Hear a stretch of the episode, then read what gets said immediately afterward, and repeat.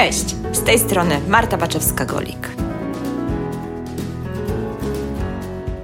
Rynek nieruchomości, biznes, inwestycje, czyli podcast Ruszamy Nieruchomości. Czy zarabianie na odsprzedaży nieruchomości z zyskiem to zwykła spekulacja, czy może jednak przemyślana strategia inwestycyjna? Jaka jest różnica pomiędzy inwestorem a spekulantem, czyli na czym tak naprawdę zarabia flipper. Cześć! Kontynuujemy nasz miesiąc flipowanie. Tym razem mam dla Ciebie wywiad z inwestorem Grzegorzem Tomiakiem, który ma za sobą już około 20, 20 projektów inwestycyjnych, a w planie budowę domów szeregowych. Wspólnie zastanawiamy się, na czym zarabiają inwestorzy w nieruchomości, w jaki sposób oni kreują wartość nieruchomości, no i dzięki której zarabiają na tych tematach. Jeżeli nie słuchałeś poprzedniego odcinka, to koniecznie wejdź na stronę Linktree, kośnik kobieca strona inwestowania. Oczywiście link zamieszczę w notatkach do tego odcinka. I koniecznie zobacz, jakie bezpłatne szkolenia, wydarzenia, webinary, live'y jeszcze przed Tobą. E, w zależności od tego, kiedy mnie słuchasz, to być może przed Tobą jeszcze spotkanie z Grzegorzem w formie szkolenia webinarowego. E, będzie to spotkanie dla początkujących fliperów, czyli jak zrobić swoją pierwszą inwestycję w nieruchomości. Mój pierwszy flip krok po kroku. Skąd wziąć pieniądze na tą pierwszą inwestycję? Na co zwrócić uwagę? Jak obliczyć, czy się opłaca wchodzić w dany temat, czy też nie? O tym będzie to szkolenie. Link znajdziesz na wspomnianej już stronie Linktree ukośnik kobieca strona inwestowania. Także niezależnie od tego, kiedy mnie słuchasz i czy to wydarzenie już miało miejsce, czy też nie, koniecznie wejdź na tą stronę, bo nawet jeżeli za nami już jest to spotkanie, o którym przed chwilą wspomniałam, to prawdopodobnie będzie się działo coś nowego. I właśnie tutaj będę zamieszczać wszystkie aktualne linki do aktualnych wydarzeń na żywo. A tymczasem zapraszam Cię do wysłuchania rozmowy z Grzegorzem, którą nagrywałam podczas Facebook Live, także pojawią się w niej również pytania od słuchaczy. Były bardzo interesujące, więc myślę, że odpowiedzi na nie też są istotne. Dobry wieczór. Właściwie już teraz chyba można mówić dobry wieczór, bo nawet się zaczyna powoli ściemniać. Cześć Grzegorz. Dobry wieczór, cześć Marto, witajcie. witajcie kochani serdecznie. W międzyczasie jak się będziecie tutaj zbierać, to ja może opowiem Wam, o czym my dzisiaj będziemy rozmawiać, bo dzisiaj z Grzegorzem będziemy mówić o kasie, nie bójmy się tego słowa. będziemy mówić o tym, jak zarabiać na flipach i na czym tak naprawdę zarabia flipper i zastanowimy się nad tym, czy zawsze warto robić na przykład remonty, czy może jednak czasami sam wzrost cen wystarczy, żeby po prostu zarobić i czy jest sens i czy nie jest sens i czy w ogóle czasami sobie w ogóle uświadamiamy, na czym my tak zarabiamy. Czy to jest faktycznie na dodaniu wartości w sensie takim, że dodajemy wartość poprzez remont, czy może po prostu w międzyczasie ceny urosły, bo przy tak galopującym rynku, na jakim obecnie funkcjonujemy, no to można się czasem zdziwić, że można by było poczekać chwilę, te trzy miesiące załóżmy, co remont trwa i mniej więcej tyle samo zarobić. Więc opowiem o tym, jak to wszystko sobie wyliczyć, obliczyć, także kochani, zbierajcie się, widzę, że już jesteście. Bardzo mi miło Was witać i przy okazji dajcie znać, czy słychać nas, czy widać i czy jest wszystko w porządku i będziemy przechodzić do konkretu. Mamy kontakt. Mamy kontakt, tak. No to na wstępie może takie rozgrzewkowe jeszcze pytanie, mm, bo jesteśmy tutaj na live, być może nawet też nagramy podcast z tego spotkania, także jak ktoś mm, będzie chciał sobie odsłuchać później, to pewnie będzie dostępny, ale na wstępie może zadam Wam takie rozgrzewkowe pytanie, czy flipujecie w ogóle? Ktoś napisał, że świetna jakość dźwięku i obrazu też. Coś pięknego. Wysłuchajcie, kupiłam taką najbardziej wypasioną wersję StreamYarda, więc może dlatego tak to się dzieje. Super. Dajcie znać, czy flipujecie.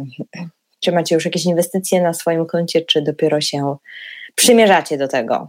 Przymierzam się jeszcze w tym roku. No to cudnie. No, jeszcze jest, rok trwa, jak najbardziej jeszcze spokojnie możesz Beata zdążyć zrobić flipa bez dwóch zdań. Jeszcze nie, ale bardzo bym chciała, pisze Magda. Szykuje się do flipa. Coś pięknego. Iwona pisze, że tak, no to pięknie. Widać i słychać, pisze Michał, super, to bardzo się cieszę. Czyli jesteście już na takim etapie, że już jedną nogą prawie na inwestycji. Dużo osób pisze, że się przymierza. Magda napisała, że właśnie nabyła nieruchomość. Coś pięknego. Beata pisze, że kupiłam sobie mieszkanie dwa lata temu i chyba to będzie mój najlepszy pierwszy flip. Bardzo rosła cena. No, po dwóch latach to z pewnością.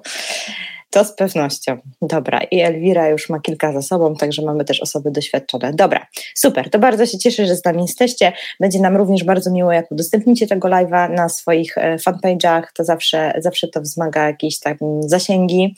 W ogóle jesteśmy też na żywo na YouTubie, nie wiem czy wiesz e, Grzegorz. Tak, bardzo się cieszę. Na bogato poszłam z tematem. Robię multistream tak zwany, także super. Rozkręcam się, rozkręcam się. Dobra, zaczynamy Jerzy. Jerzy to pewnie już nie pierwszy twój, ale jak fajnie, że jesteś z nami. Dobra, kochani, Grzegorz, jakbyś mógł na wstępie dosłownie kilka zdań powiedzieć o sobie, bo co prawda Mamy już za sobą kilka podcastów, mamy za sobą kilka webinarów, mamy za sobą stworzony wspólny kurs na temat flipowania i parę innych rzeczy, więc teoretycznie w tej przestrzeni kobiecej strony inwestowania już byłeś, w przestrzeni podcastu Ruszamy Nieruchomości również, ale całkiem możliwe, że jest sporo nowych osób. Poza tym to już działo się jakiś czas temu, więc by trzeba było zrobić update Twoich e, poczynań. Nawet ostatnio, jak robiliśmy jakąś stronę, to Grzegorz stwierdził, że no Marta, no ale wiesz, ja już już trochę więcej tych flipów zrobiłam, bo w bio są, e, są jeszcze stare informacje, właśnie musimy to poprawić i zupdate'ować, bo w międzyczasie ilość inwestycji u Grzegorza urosła, także jakbyś mógł powiedzieć Grzegorz, co tam u Ciebie słychać, e, od kiedy właśnie zajmujesz się flipowaniem, jak to się stało, że się zająłeś, co robisz na co dzień, tak dosłownie w kilku zdaniach, żeby każdy mógł Ciebie poznać. Tak, oczywiście. Jeszcze raz wszystkich e, witam bardzo serdecznie. Na co dzień jestem e, menadżerem, jestem prezesem dużej firmy w branży metalowej i to jest moja taka podstawowa aktywność, e, można powiedzieć zawodowa, która mi daje dużo radości, ale też przynosi dużo takiej wiedzy biznesowej, którą mogę wykorzystywać również na gruncie rynku nieruchomości. Natomiast jeżeli chodzi już o stricte o flipowanie, to tutaj wraz z żoną prowadzimy firmę, która właśnie zajmuje się flipowaniem. Kupujemy mieszkania, aranżujemy, wykańczamy i sprzedajemy, czyli no takie powiedzmy klasyczne flipowanie.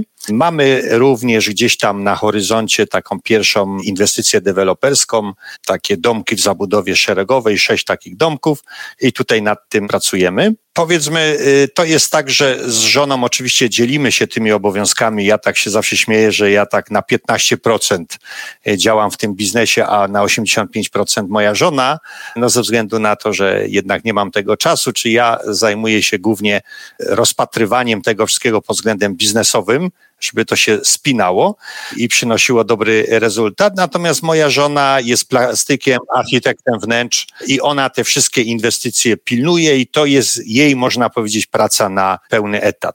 I zobaczycie, że robicie naprawdę super, bo mamy tutaj dla Was kilka zdjęć, które za chwilę podamy, pokażemy z jednej z inwestycji Grzegorza.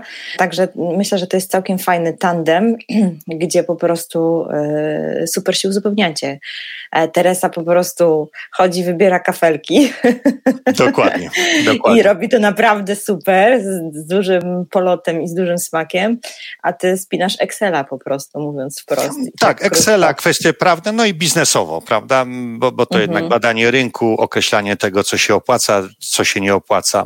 Moja a negocjacje? E, negocjacje sprzedażowe moja żona e, prowadzi, chociaż też to lubię robić, jeżeli tylko mam czas, jest to jakiś tam weekend, e, to bardzo chętnie tutaj żonę w tym wyręczam i, i, i sam rozmawiam z klientami, bo również mi to sprawia e, przyjemność, kontakt e, z potencjalnymi e, nabywcami. Jeżeli chodzi o tą, o tą działkę flipowania, prawda, to na ten moment mamy już około 20 projektów, które są już zrealizowane albo bardzo bliskie realizacji od początku naszej działalności, a robimy to gdzieś od trzech lat, tak na, na poważnie. No i oczywiście plany, plany na przyszłość. Zobaczymy, jak to będzie się wszystko układało. Jesteśmy dobrej myśli. Wszystko pięknie kwitnie. Ja mm, mam tą przyjemność obserwować właściwie Twoją działalność od samego właściwie początku, od pierwszego flipa, bo myśmy się poznali z Grzegorzem na kursie, który robiłeś Pani Nowościach, tak żeśmy weszli e, w jakąś tam taką relację, nazwijmy to biznesową. Też miałam okazję odwiedzić e, kilka inwestycji Grzegorza w Bielsku, bo teraz gdzie flipujecie? Zaczynaliście w Bielsku. Tak, a... dokładnie. Teraz bardziej Katowice i w ogóle Śląsk, różne miejscowości e, Śląska i Zagłębia. Także i naprawdę to wszystko fajnie wyglądało. Super. Grzegorz, zaprosiłam Cię dzisiaj na to spotkanie, żebyśmy sobie porozmawiali o właśnie o tym, na czym zarabia Flipper, żebyśmy sobie zastanowili się, gdzie tu tak naprawdę e, tkwi cała, że tak powiem, tajemnica tego zarabiania i pomnażania kapitału. No bo niewątpliwie flipowanie, czyli zakup nieruchomości, dodawanie do niej wartości, plus sprzedaż z zyskiem powoduje to, że w stosunkowo krótkim czasie jesteśmy w stanie pomnażać nasz kapitał. Natomiast jak to się dzieje, że właśnie w tym krótkim czasie realnie jesteśmy w stanie zarobić, że faktycznie te zyski generujemy. Mam nadzieję, że też powiemy mniej więcej później za chwilkę o tym, jakie to są zyski, jakie to są w ogóle możliwości zarabiania. Natomiast y, jakbyś mógł powiedzieć, jak to się dzieje, że właśnie przeciągu dosłownie czasami kilku miesięcy, dwóch, trzech miesięcy jesteśmy w stanie no, tą wartość podnieść i to znacząco. E, tak, to jest takie bardzo e, kluczowe pytanie, żebyśmy sobie zdawali e, sprawę z tego, jak zrealizujemy jakiś projekt, dlaczego myśmy na tym projekcie zarobili. To wcale to pytanie nie jest takie oczywiste, bo często jeżeli nakłada się kilka różnych czynników, to my tak naprawdę nie wiemy, który jest najbardziej dominujący, prawda? O tych czynnikach sobie e, przypadku flipowania za chwileczkę powiemy. Natomiast to jest taka ogólna można powiedzieć, reguła biznesu. Jeżeli jesteś dobry na rynku, osiągasz na tym rynku sukcesy, to musisz wiedzieć, dlaczego tak jest bo w biznesie nie ma takiego pojęcia, że coś się udało. Prawda? My często w życiu potocznym e, mówimy, udało się to, udało się tamto, natomiast no, udać się może raz, jak ktoś ma farta, może dwa, jak ktoś ma dużego farta, to wygra w totolotka, prawda? I też powie, że, że mu się, ale wygranie w totolotka to nie jest biznes. Zatem bardzo ważne jest, żeby poznać jakby istotę tego, tego zagadnienia. Jeżeli jesteśmy, powiedzmy, poza rynkiem nieruchomości, jesteśmy producentem jakiegoś dobra, dobra i my na tym sprzedawanym towarze zarabiamy, to musimy wiedzieć, czy to dlatego zarabiamy, że mamy bardzo dobry towar, czy też mamy dobre relacje z klientem, czy też mamy dobry e, marketing, dobrą produkcję. Oczywiście najlepiej, żeby to wszystko było dobre, bo wtedy w największym stopniu osiągamy sukcesy, ale musimy wiedzieć, co jest naszą taką kluczową kompetencją w danym projekcie, że my zarabiamy. I tu mi się nasuwa takie pytanie, przepraszam, że ci wejdę, ale tak od razu mi się, jak słucham ciebie, to mi się nasuwa to pytanie. Jaka jest różnica, bo może w ogóle od tego powinniśmy zacząć tę naszą rozmowę, jaka jest różnica pomiędzy inwestowaniem a spekulacją? Tak, spekulacja, to słowo się też źle kojarzy, bo to jest trochę tak jeszcze z czasów PRL-u, prawda? Ale nad, nadal się dzieje i da, nadal to jest aktualne, natomiast y, wtedy o, każdy, kto zarobił, to mówiono o nim spekulant, prawda? Bo, bo, bo wykorzystał jakieś tam różnice cenowe. Natomiast ja bym tą różnicę wskazał w ten sposób. Spekulacja to jest bazowanie tylko i wyłącznie na wzroście cen i można powiedzieć, że wtedy się nam udało. Kupiliśmy taniej, sprzedaliśmy drożej, więc można powiedzieć, że spekulowaliśmy. Natomiast jeżeli inwestujemy, to my mamy szerszy proces, który zakłada nie tylko uzysk na wzrostach cen, ale zakłada również wartość dodaną, którą my do tego projektu włożymy, czyli co damy od siebie, że ten gotowy produkt, w naszym przypadku mieszkanie, jest dobre. No i takim kolejnym elementem to będzie, na ile my umiemy biznesowo tutaj się, e, nazwijmy to, zachować i domknąć transakcję, prawda? Czyli odpowiednio nasz wyrób, e, czy tu w przypadku flipowania mieszkanie wyeksponować, zrobić homestaging i e, powiedzmy również negocjacje są taką działką, która tutaj w przypadku sprzedaży mieszkania jest bardzo ważna, prawda? Bo tutaj jest tak, że często poprzez jakiś błąd możemy w ciągu, nie wiem, jednej minuty stracić 10 tysięcy, 15, bo powiedzmy ktoś tam nie wytrzyma presji, zejdzie szybko z ceną, więc to są takie bardzo ważne elementy, żeby zachować tą zimną krew do końca. Więc wszystkie te umiejętności negocjacyjne.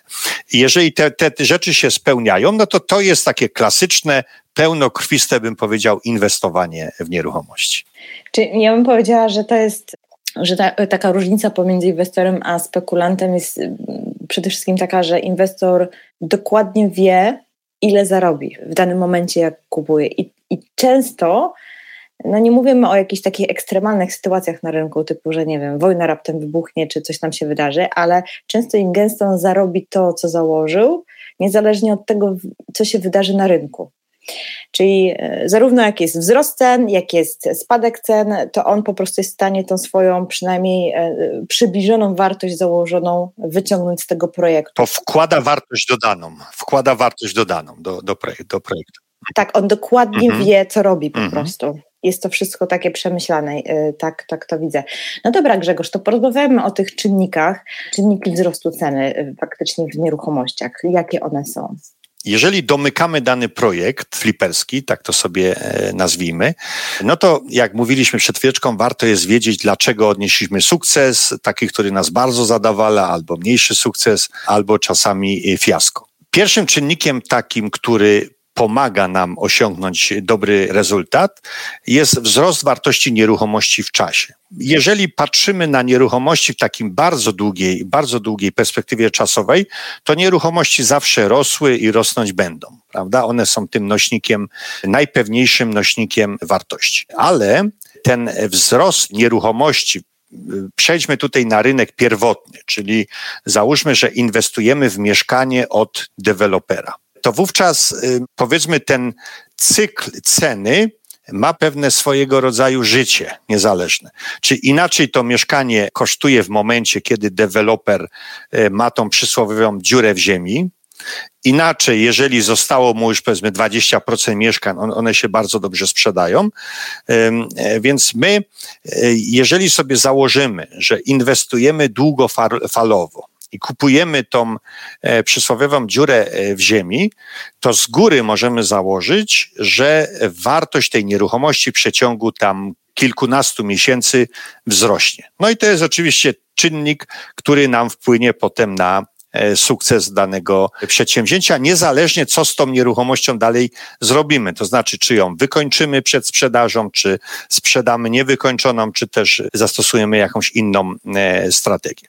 Więc na pewno tym pierwszym czynnikiem jest kupno odpowiednio wcześniej. E, oczywiście z tym musimy skorelować wartość pieniądza w czasie. Czyli założyć, że jeżeli mamy jakieś środki pieniężne, no to one w miarę upływu czasu tracą swoją wartość. No więc y, zakładamy, że ten wzrost wartości cen jest większy niż spadek wartości pieniądza. Dlatego przy flipowaniu na rynku pierwotnym bardzo często dążymy do tego modelu 10-90, prawda? Czyli w momencie tej dziury w ziemi wpłacamy 10%, a 90% w momencie, jak już to mieszkanie wykupujemy, no bo w koszt tych 10% jest odpowiednio e, taki do zniesienia, bym powiedział, niż gdybyśmy musieli całość tych środków zainwestować i czekać ten okres kilkunastu miesięcy. Innym takim sposobem, żeby pozyskać w miarę korzystną cenę za metr kwadratowy, jest y, kupowanie jakby ostatnich mieszkań w danej inwestycji. Czyli my czujemy, że deweloper chce już zamknąć punkt sprzedaży, chce zakończyć y, proces sprzedaży. Zostało mu kilka mieszkań i wtedy my wkraczamy. Oczywiście często jest tak, że skoro te mieszkania tak długo się nie sprzedały, to one mają jakiś problem. Ten problem może polegać na przykład na y, nie do końca dobrej funkcjonalności tego mieszkania, może polegać na tym, że ulokowanie w danym bloku jest w jakimś takim nieciekawym miejscu. No i my jako y, inwestorzy analizujemy, czy my jesteśmy to w stanie zmienić. Czasami jest tak, że możemy z mieszkania dwupokojowego zrobić mieszkanie trzypokojowe, prawda? Więc wtedy kupując to mieszkanie mamy lepszą cenę, y, potrafimy odpowiednio, odpowiednią strategię zastosować i uzyskujemy potem odpowiedni mm, e, rezultat. Te dwa czynniki to są powiedzmy te takie czynniki wejściowe. Odpowiednikiem tych dwóch czynników na rynku wtórnym będzie okazyjne kupno mieszkania. Prawda? To jest dość mm, trudne do uzyskania, żeby kupić mieszkanie na rynku wtórnym w okazyjnej cenie, ale jest to możliwe. Kiedy to się dzieje, że my kupujemy w okazyjnej cenie? No wtedy, kiedy sprzedający ma jakiś problem. To najczęściej my rozwiązując czyjś problem, mamy szansę uzyskać lepsze warunki. Może to być taki problem, że ktoś jest zadłużony w spółdzielni mieszkaniowej i wtedy my wkraczamy, spłacamy to jego zadłużenie, kupujemy od y, tej osoby to mieszkanie, ona sobie kupuje mniejsze, prawda, i my pozyskujemy jakby, uzyskujemy premię za to, że pomogliśmy tej, tej, tej osobie. No takich czynników może być cały szereg, nie wiem, ktoś wyjeżdża za granicę, potrzebuje szybko sprzedać, licytacje komornicze, ale te akurat y, wiem, że to nie jest sposób na szybkie pozyskanie, bo od licytacji do przejęcia tego mieszkania często mija ładnych parę miesięcy, bo to sąd musi potem e, zatwierdzić. Więc odpowiednikiem e, tej niższej ceny na rynku pierwotnym, na rynku wtórnym jest właśnie jakaś okazja, która się nam e, pojawiła, do której dotarliśmy.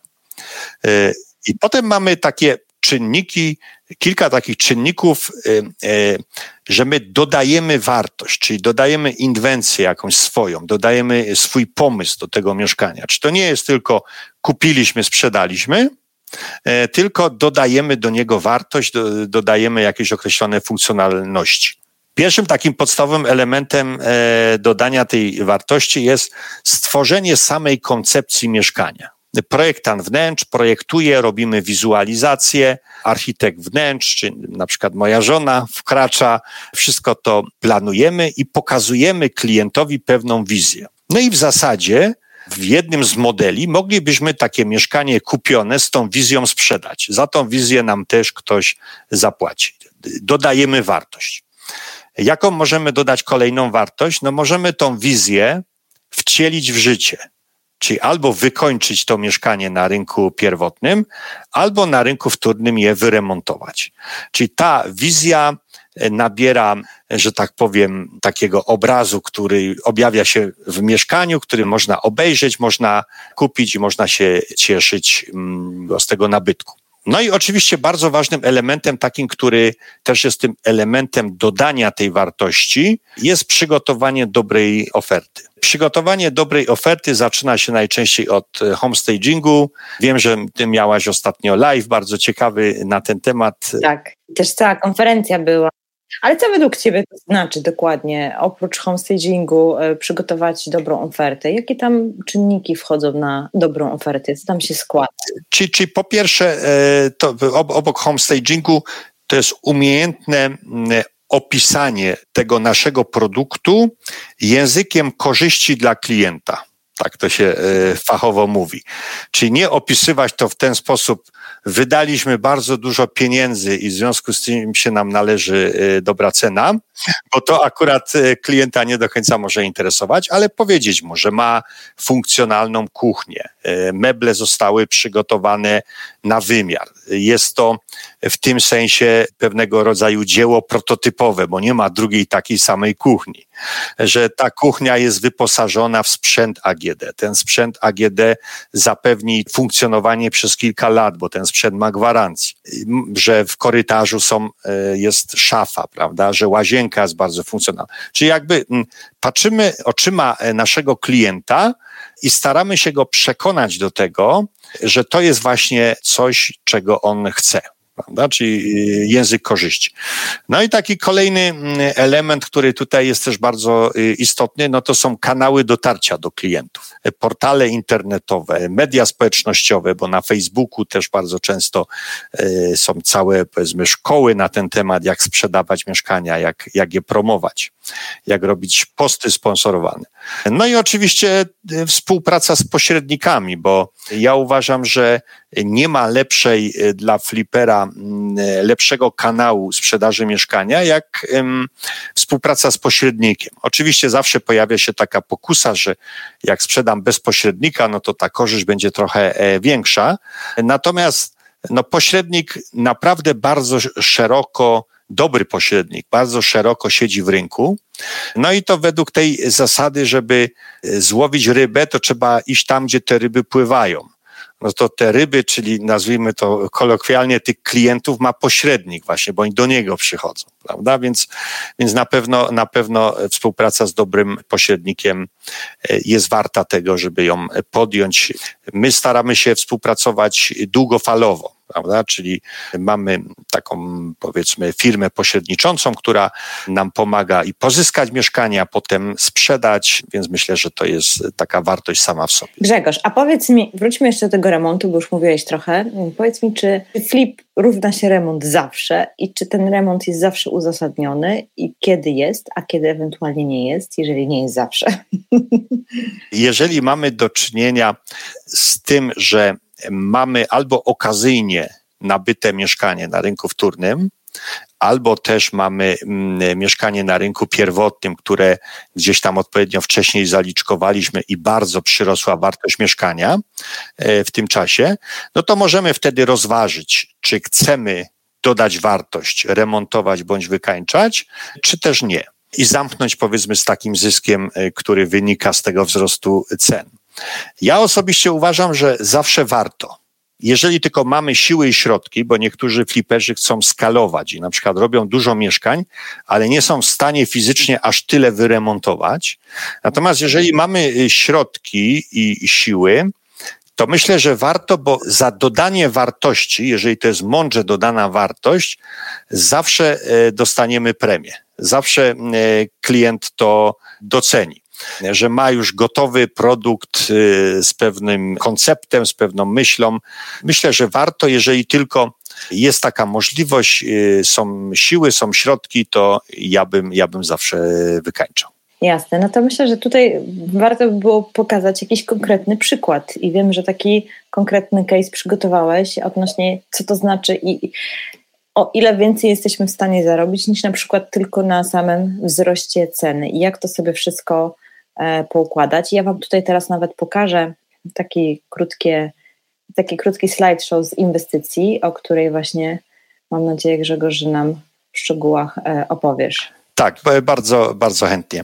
E, mieliśmy taki bardzo ciekawy case, że mm, kupiliśmy w jednej lokalizacji, w zasadzie w dwóch blokach, trzy mieszkania. Pierwsze mieszkanie było wykończone zaprojektowane e, i sprzedane, e, z, powiedzmy, z zadowalającym zyskiem. I potem kilka miesięcy później, to było mniej więcej tak na, gdzieś na końcu pierwszej fali pandemii, mieliśmy dwa mieszkania, które jakby objawiły się z drugiego etapu inwestycji realizowanej przez dewelopera. I dwa oczywiście były w stanie deweloperskim i mamy klucze do e, obu mieszkań.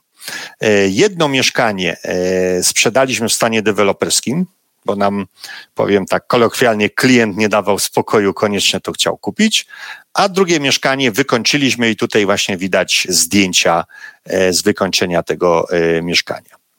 To pierwsze mieszkanie, oba mieszkania to były mieszkania mniej więcej 52 metry kwadratowe, były kupione, znaczy zadatkowane, czyli ta pierwsza wpłata w czerwcu 2019 roku. E, wtedy cena to było w Katowicach była 5400, to była na, na obrzeżach miasta, czyli kupiliśmy to mieszkanie za 280 e, tysięcy złotych.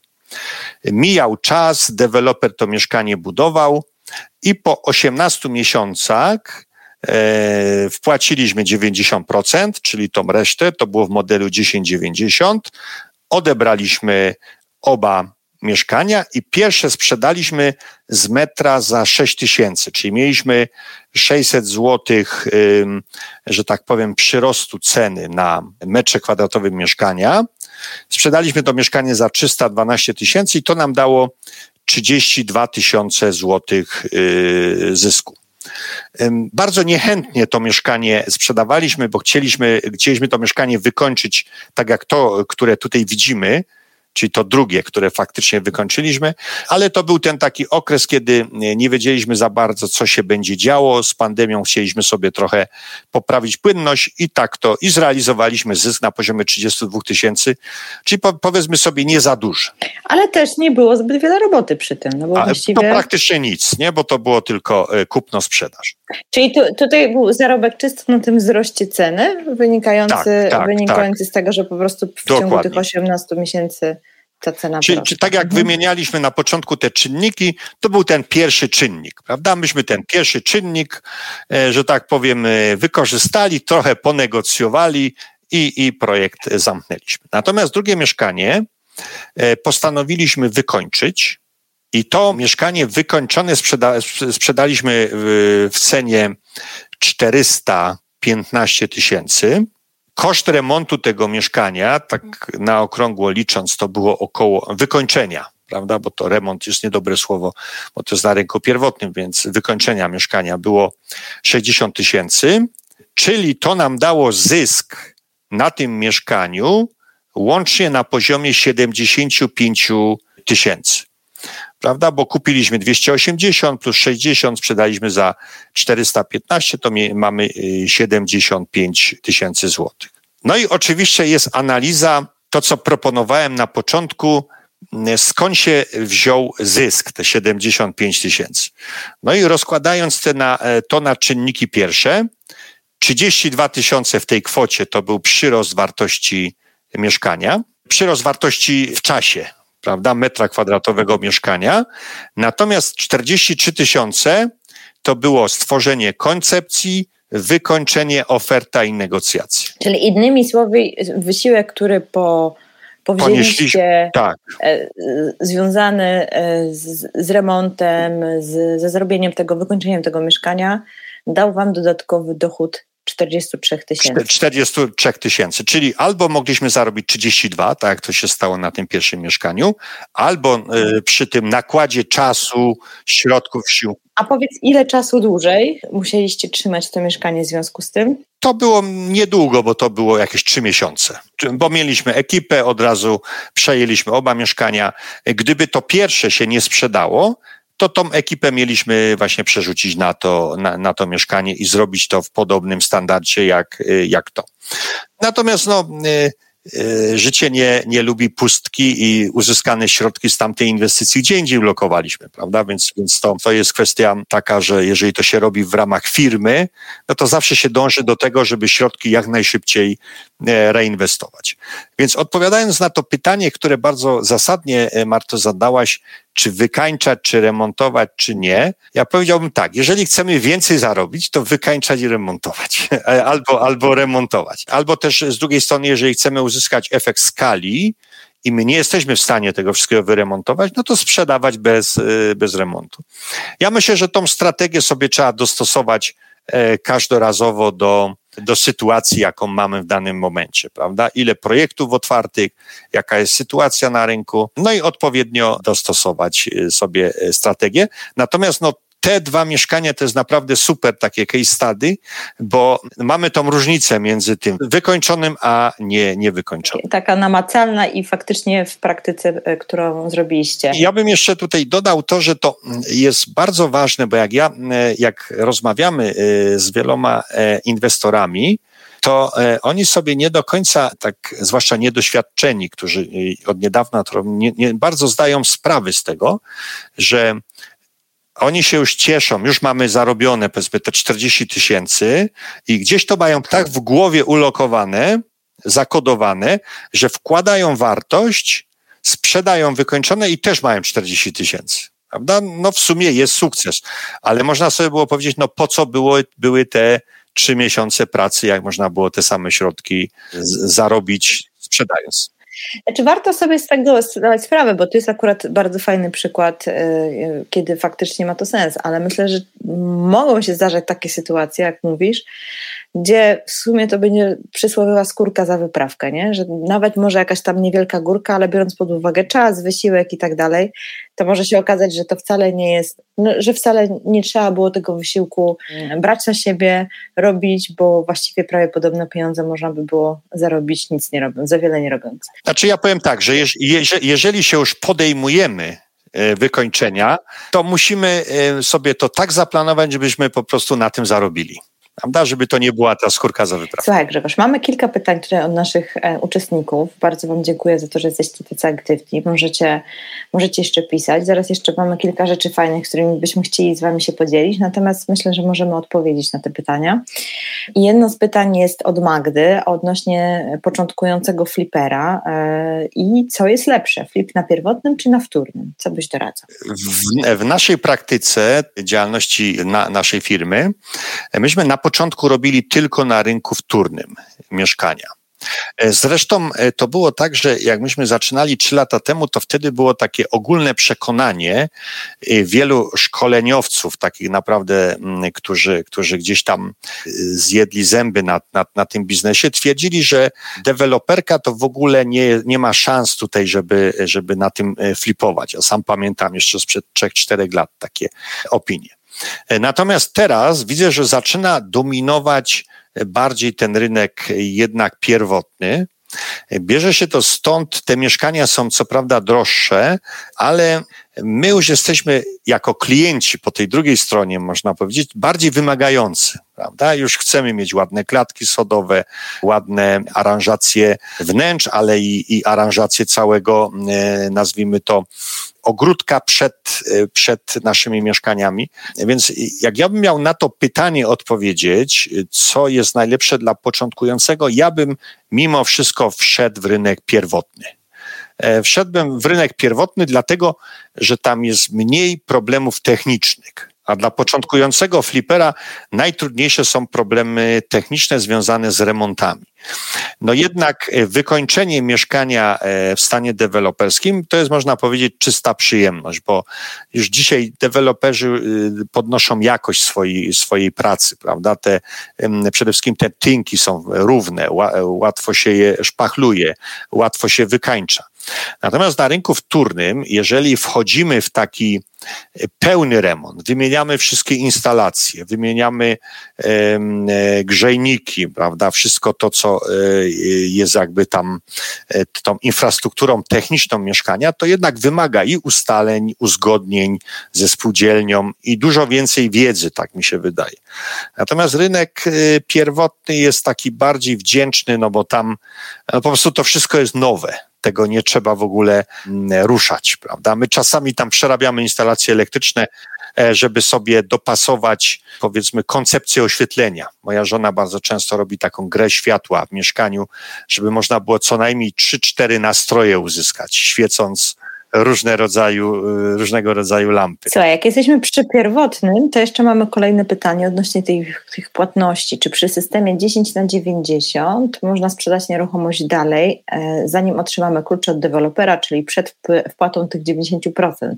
Czy jest szansa znaleźć takiego klienta przed wykończeniem nieruchomości?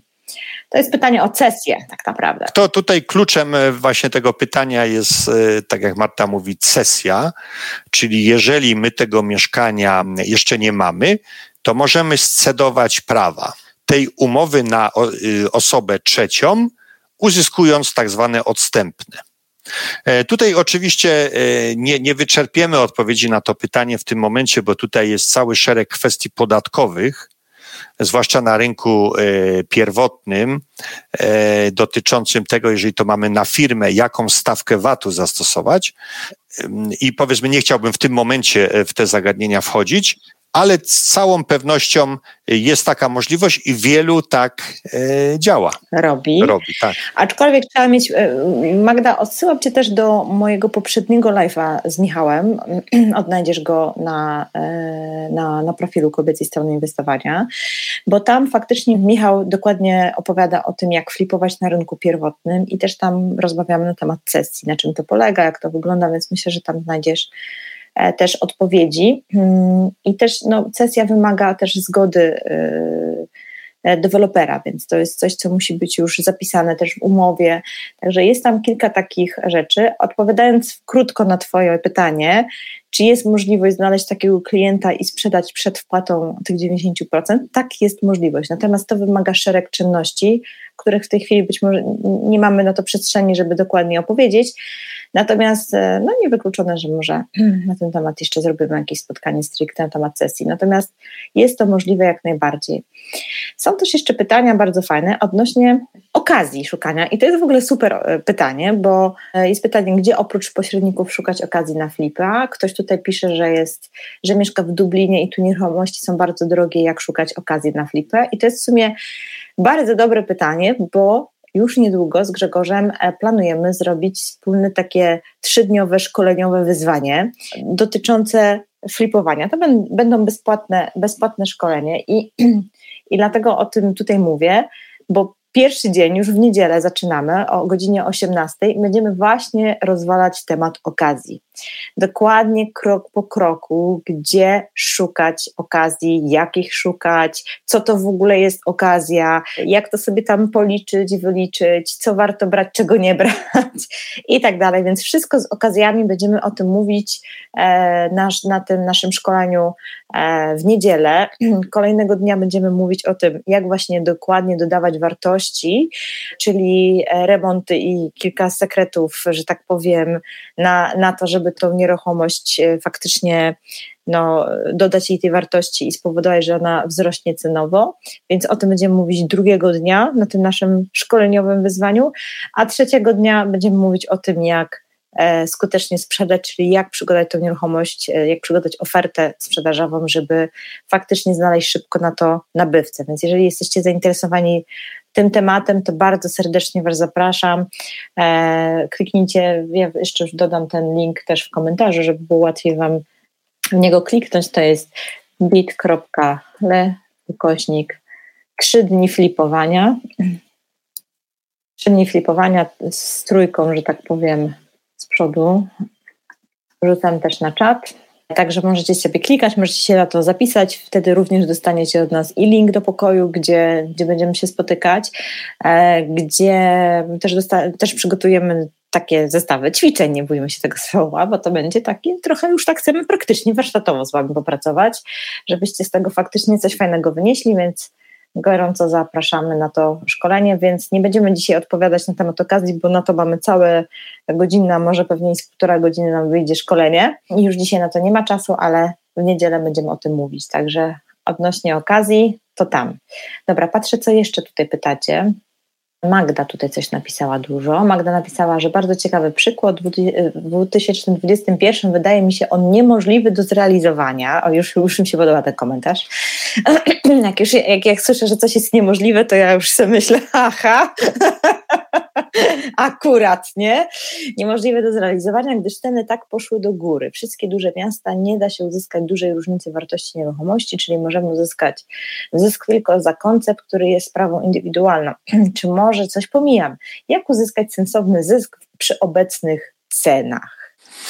Znaczy, ja powiem tak, Magdaleno, że jeżeli myśmy mieszkanie sobie, nazwijmy to, zabukowali w, na przykład w 2019 roku i y, teraz odbieramy klucze w 2021, więc jest dokładnie odwrotnie jak mówisz, bo te ceny właśnie myśmy mieli tą cenę dużo niższą niż jest teraz, prawda? Więc myśmy zarobili na tym wzroście.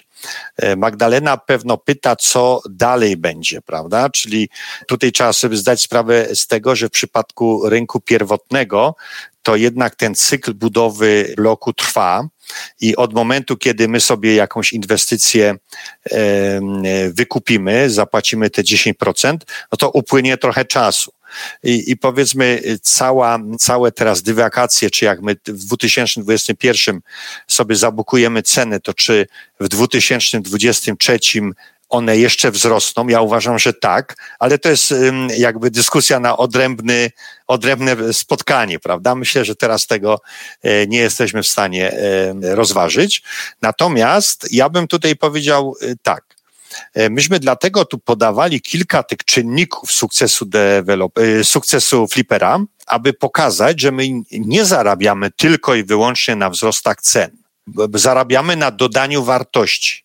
I na tym przykładzie, który ja tam zaprezentowałem przed chwilą, gdyby nie było wzrostu cen, no to my byśmy wtedy zarobili nie 75 tysięcy, tylko 75 bodajże pomniejszone o 32.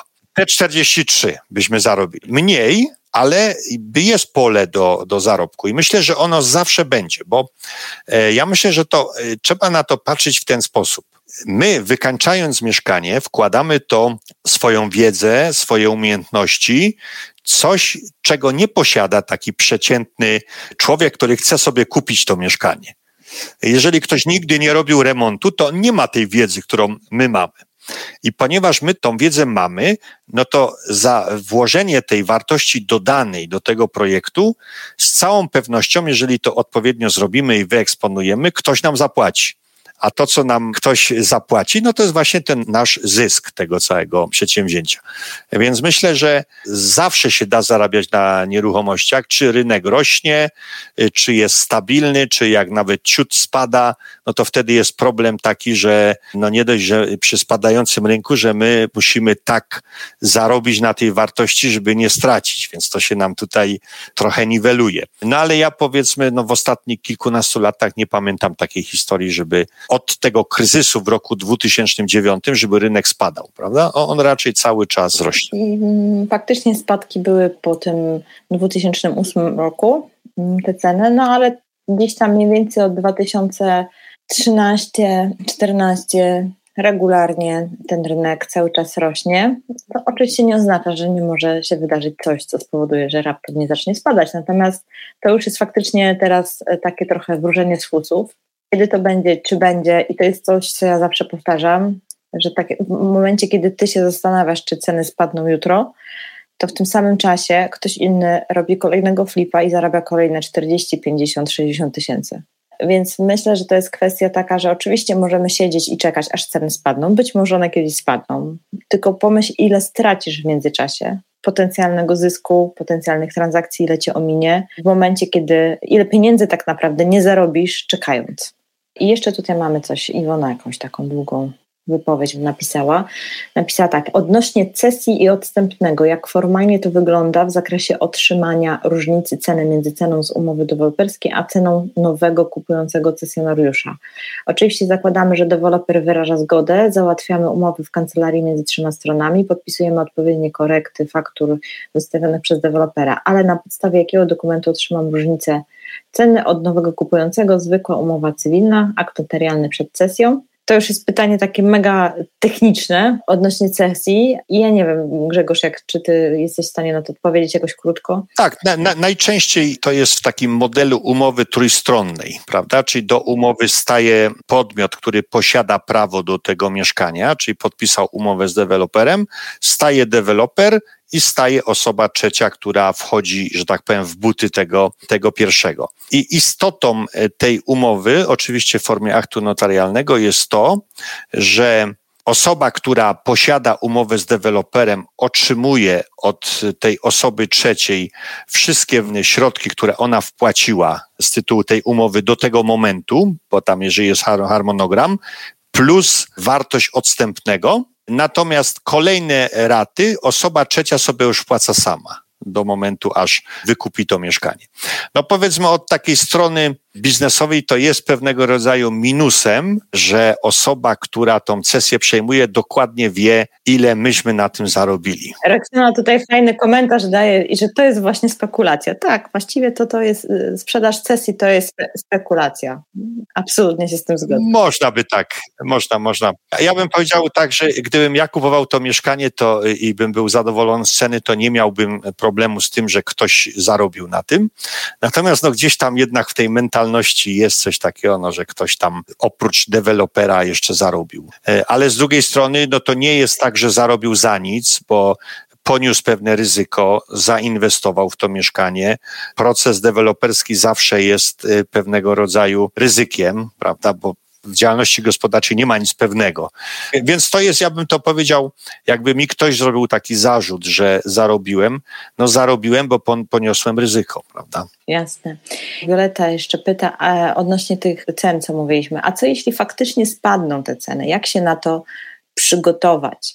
To jest w sumie bardzo słuszne pytanie, mm, Violeta. Tak, no w każdym biznesie, tak jak Violetta tutaj proponuje, e, no trzeba rozważyć ryzyka prawda? Bo jesteśmy ludźmi rozsądnymi i e, nie chcemy nigdy e, tracić i, i to jest bardzo dobre. Ja bym powiedział tak, jeżeli my uzyskujemy z deweloperem bardzo dobrą cenę wejściową, czyli ona jest powiedzmy mniejsza o 15% niż osoby, które wchodzą parę tygodni później w projekt. No bo jeżeli my jesteśmy na tym etapie dziury w ziemi, uzyskujemy fajną cenę, no to można powiedzieć, że mamy przewagę tych 15%.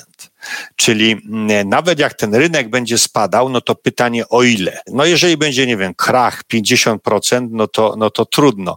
Ale no jednak mm, ten rynek nieruchomości obecnie myślę, że bardzo pozytywnie został zweryfikowany przez COVID. E, to znaczy ceny nie spadły, ten e, nieruchomości trzymają wartość, więc myślę, że ja bym się zabezpieczył w tym, żebym sobie zapewnił dobrą cenę wejścia. No bo jeżeli ja już na początku przepłacam, no to raz, że mam potem problemy, a dwa, no już w ogóle nie mam żadnej poduszki na ewentualne spadki i cen. Tak, ja myślę, że też jest kwestia tutaj kluczową zazwyczaj mm, rolę, tak jak sobie przypominam, kiedy faktycznie w tym po tym 2008 czasie, e, roku spadły te ceny i te osoby, które popadły w tarapaty i w problemy, to z reguły były osoby, które finansowały te nieruchomości na dużej dźwigni finansowej w kredytach. No i tutaj niestety problem jeszcze był podwójny, dlatego że to dotyczyło właśnie kredytów stricte tego rynku finansowego, a konkretnie kredytów walutowych, a konkretnie kredytów we franku, który wcześniej był bardzo, bardzo popularny. I te wszystkie czynniki spowodowały, że faktycznie po tamtym krachu naprawdę wiele osób wpadło w poważne problemy y, i kłopoty. Więc e, żeby się przed tym zabezpieczyć, no to faktycznie mm, trzeba z rozwagą używać dźwigni. Trzeba też mieć odpowiedni wkład własny, żeby był, była ta poduszka zabezpieczająca, że nie idzie wszystko, że tak powiem, w kredycie i wtedy możesz się czuć bezpieczna. Natomiast dobra wiadomość Violetta jest taka, że rynek nieruchomości, jak sobie popatrzysz na e, wykresy z tamtego krachu, no bo to, co możemy zrobić, to się odnieść do tego, co było i w jakiś sposób to porównać. Więc jak sobie popatrzysz na te wykresy z tamtego krachu, to okazuje się, że ten rynek nieruchomości tak naprawdę zareagował, pomimo że to dotyczyło kredytów hipotecznych, to spadki u nas w Polsce nastąpiły dopiero chyba, po, zaczęły być takie gruntowne po trzech latach. Od momentu, kiedy się to wydarzyło, cały ten e, Lehman Brothers padł ten bank i zaczęła się ta cała agonia, że tak powiem, w, w bankach. Więc to jest bardzo długi okres. Czyli jak jesteś na bieżąco i śledzisz, to jesteś w stanie szybko zareagować i coś zrobić z tymi nieruchomościami, które masz, zanim się naprawdę to wszystko jakoś posypie. Więc wiadomość dobra jest taka, że, ten, że rynek nieruchomości nie jest jak giełda. Na giełdzie jest tak, że jak coś się dzieje, jest jakiś krach, to po prostu spadki są jak windą w dół. Po prostu to leci w dół. E, rynek nieruchomości jednak spada powoli. On powoli rośnie, ale też powoli spada. E, więc, e, więc tak, takimi się e, charakteryzuje cechami. I to powoduje, że mimo wszystko, nawet że nieruchomości są ciągle jednym z najbezpieczniejszymi inwestycjami i najchętniej wybieranymi sposobami lokowania kapitału, nawet przez totalnych amatorów czyli osoby, które totalnie nie rozumieją, nie znają się i tak dalej, bo bo po prostu on jest w miarę spokojny. No teraz jesteśmy faktycznie w takim momencie dosyć takim szalonym na rynku, bym powiedziała. Jest to wywołane niestety też tym całą kwestią z COVID-em i z tą pandemią, bo brakuje wielu produktów, wielu materiałów na rynku. Są, były na tyle długie przerwy w łańcuchach dostaw, że to cały czas się czkawką na rynku odbija w tej chwili. No i ta nasza branża budowlana bardzo tutaj, e, że tak powiem, odczuwa to. I to powoduje też, że te ceny paradoksalnie rosną to, że właśnie brakuje materiałów, że jest e, problem ze stalą, że jest problem z jakimiś poszczególnymi historiami, które są kluczowe w budownictwie. Ja bym jeszcze, Marto, tutaj dodał takie dwa zagadnienia. Pierwsze, e, jakby skalowanie, prawda? Czyli w takich sytuacjach, kiedy nie czujemy się do końca pewnie, e, żeby sobie robić to powoli. jedno mieszkanie. I drugi taki aspekt, wariant B, Czyli my faktycznie, bo Violetta tu zadała bardzo kluczowe pytanie, jak zabezpieczyć ryzyko, i tym e, ryzykiem może być właśnie, tym zabezpieczeniem może być e, przewidzenie wariantu B. Czyli na przykład mamy na mieszkanie kredyt hipoteczny, bo fliperzy bardzo często tym kredytem się posługują, mimo to, że e, planują to w 6 miesięcy kupić, wyremontować, sprzedać, ale biorą kredyt na 30 lat. I tak się zaleca, żeby na początku tak to zrobić. Więc wtedy raty są niewielkie. Raty kredytu. I można powiedzieć tak, no przyszedł krach, to odpowiadamy, to co z tego? Raty sobie dalej płacimy, Mieszkanie wykańczamy, ale go nie sprzedajemy, żeby nie generować straty, tylko wynajmujemy. No bo nigdy nie będzie tak, że nie będą się ani sprzedawały, ani wynajmowały, no bo jednak takiego krachu, żeby ludzie, nie wiem, mieszkali pod mostem, to, to chyba się już nie, nie musimy spodziewać, więc zawsze te mieszkania będą w takim czy innym obrocie, jak ktoś nie kupi, to wynajmie. No i wówczas jest ten wariant B, on daje też takie poczucie spokoju, poczucie jakiegoś takiego mniejszego e, stresu i pozwala wyjść w sytuacji, kiedy faktycznie by się coś mogło e, wydarzyć. I ja myślę, Grzegorz, że tym akcentem będziemy kończyć dzisiaj, bo już nam tutaj mija godzina naszego spotkania.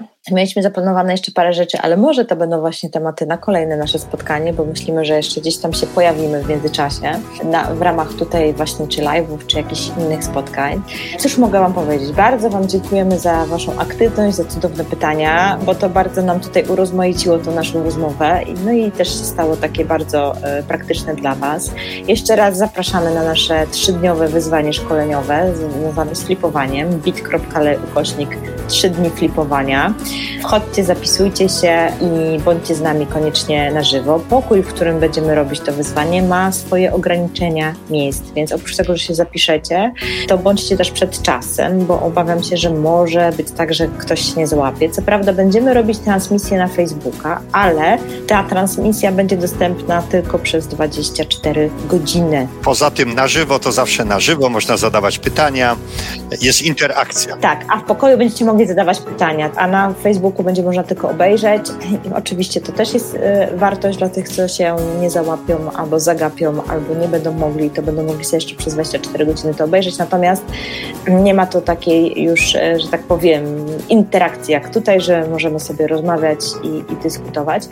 Także cóż mogę powiedzieć? Trzy dni ostrego flipowania przed nami. Niedziela zaczynamy o godzinie 18, w poniedziałek i we wtorek o 18 kontynuujemy nasze spotkania. Także do zobaczenia. Bardzo Wam dziękuję. Grzegorz, Tobie również bardzo dziękuję za tą rozmowę. Dziękuję również. I cóż, do usłyszenia niebawem już w niedzielę. Do usłyszenia.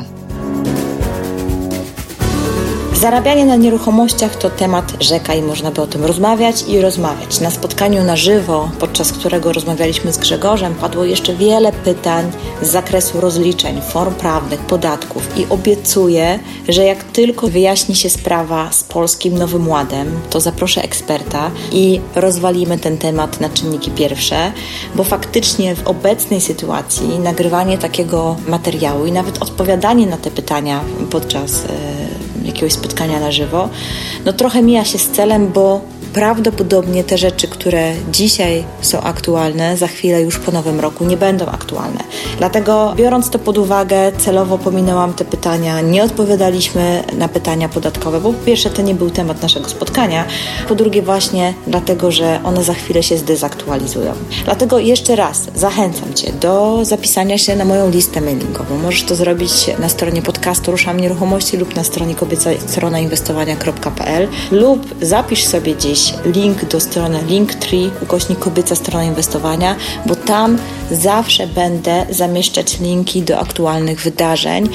I pewnie już zauważyłeś, ale najczęściej teraz robię tak, że spotykam się z gościem najpierw na żywo, gdzieś e, w formie jakiegoś Facebooka Live'a, a następnie robię z tego nagranie podcastu, więc jeżeli będziesz z nami na żywo, na live'ie i o tym będę informować wcześniej i na ten temat będą linki zamieszczone właśnie na tej stronie, to będziesz mieć okazję okazję również zadać swoje pytanie, które później zostanie opublikowane w tym oto podcaście. Także jeszcze raz gorąco zachęcam. Lista mailingowa, bo zawsze informuję mailem o tym, co się wydarza. Strona linktr.ee ukośnik kobieca strona inwestowania Wszystko tam będzie aktualne i bieżące. Tymczasem ściskam Cię mocno, pozdrawiam serdecznie i do usłyszenia niebawem.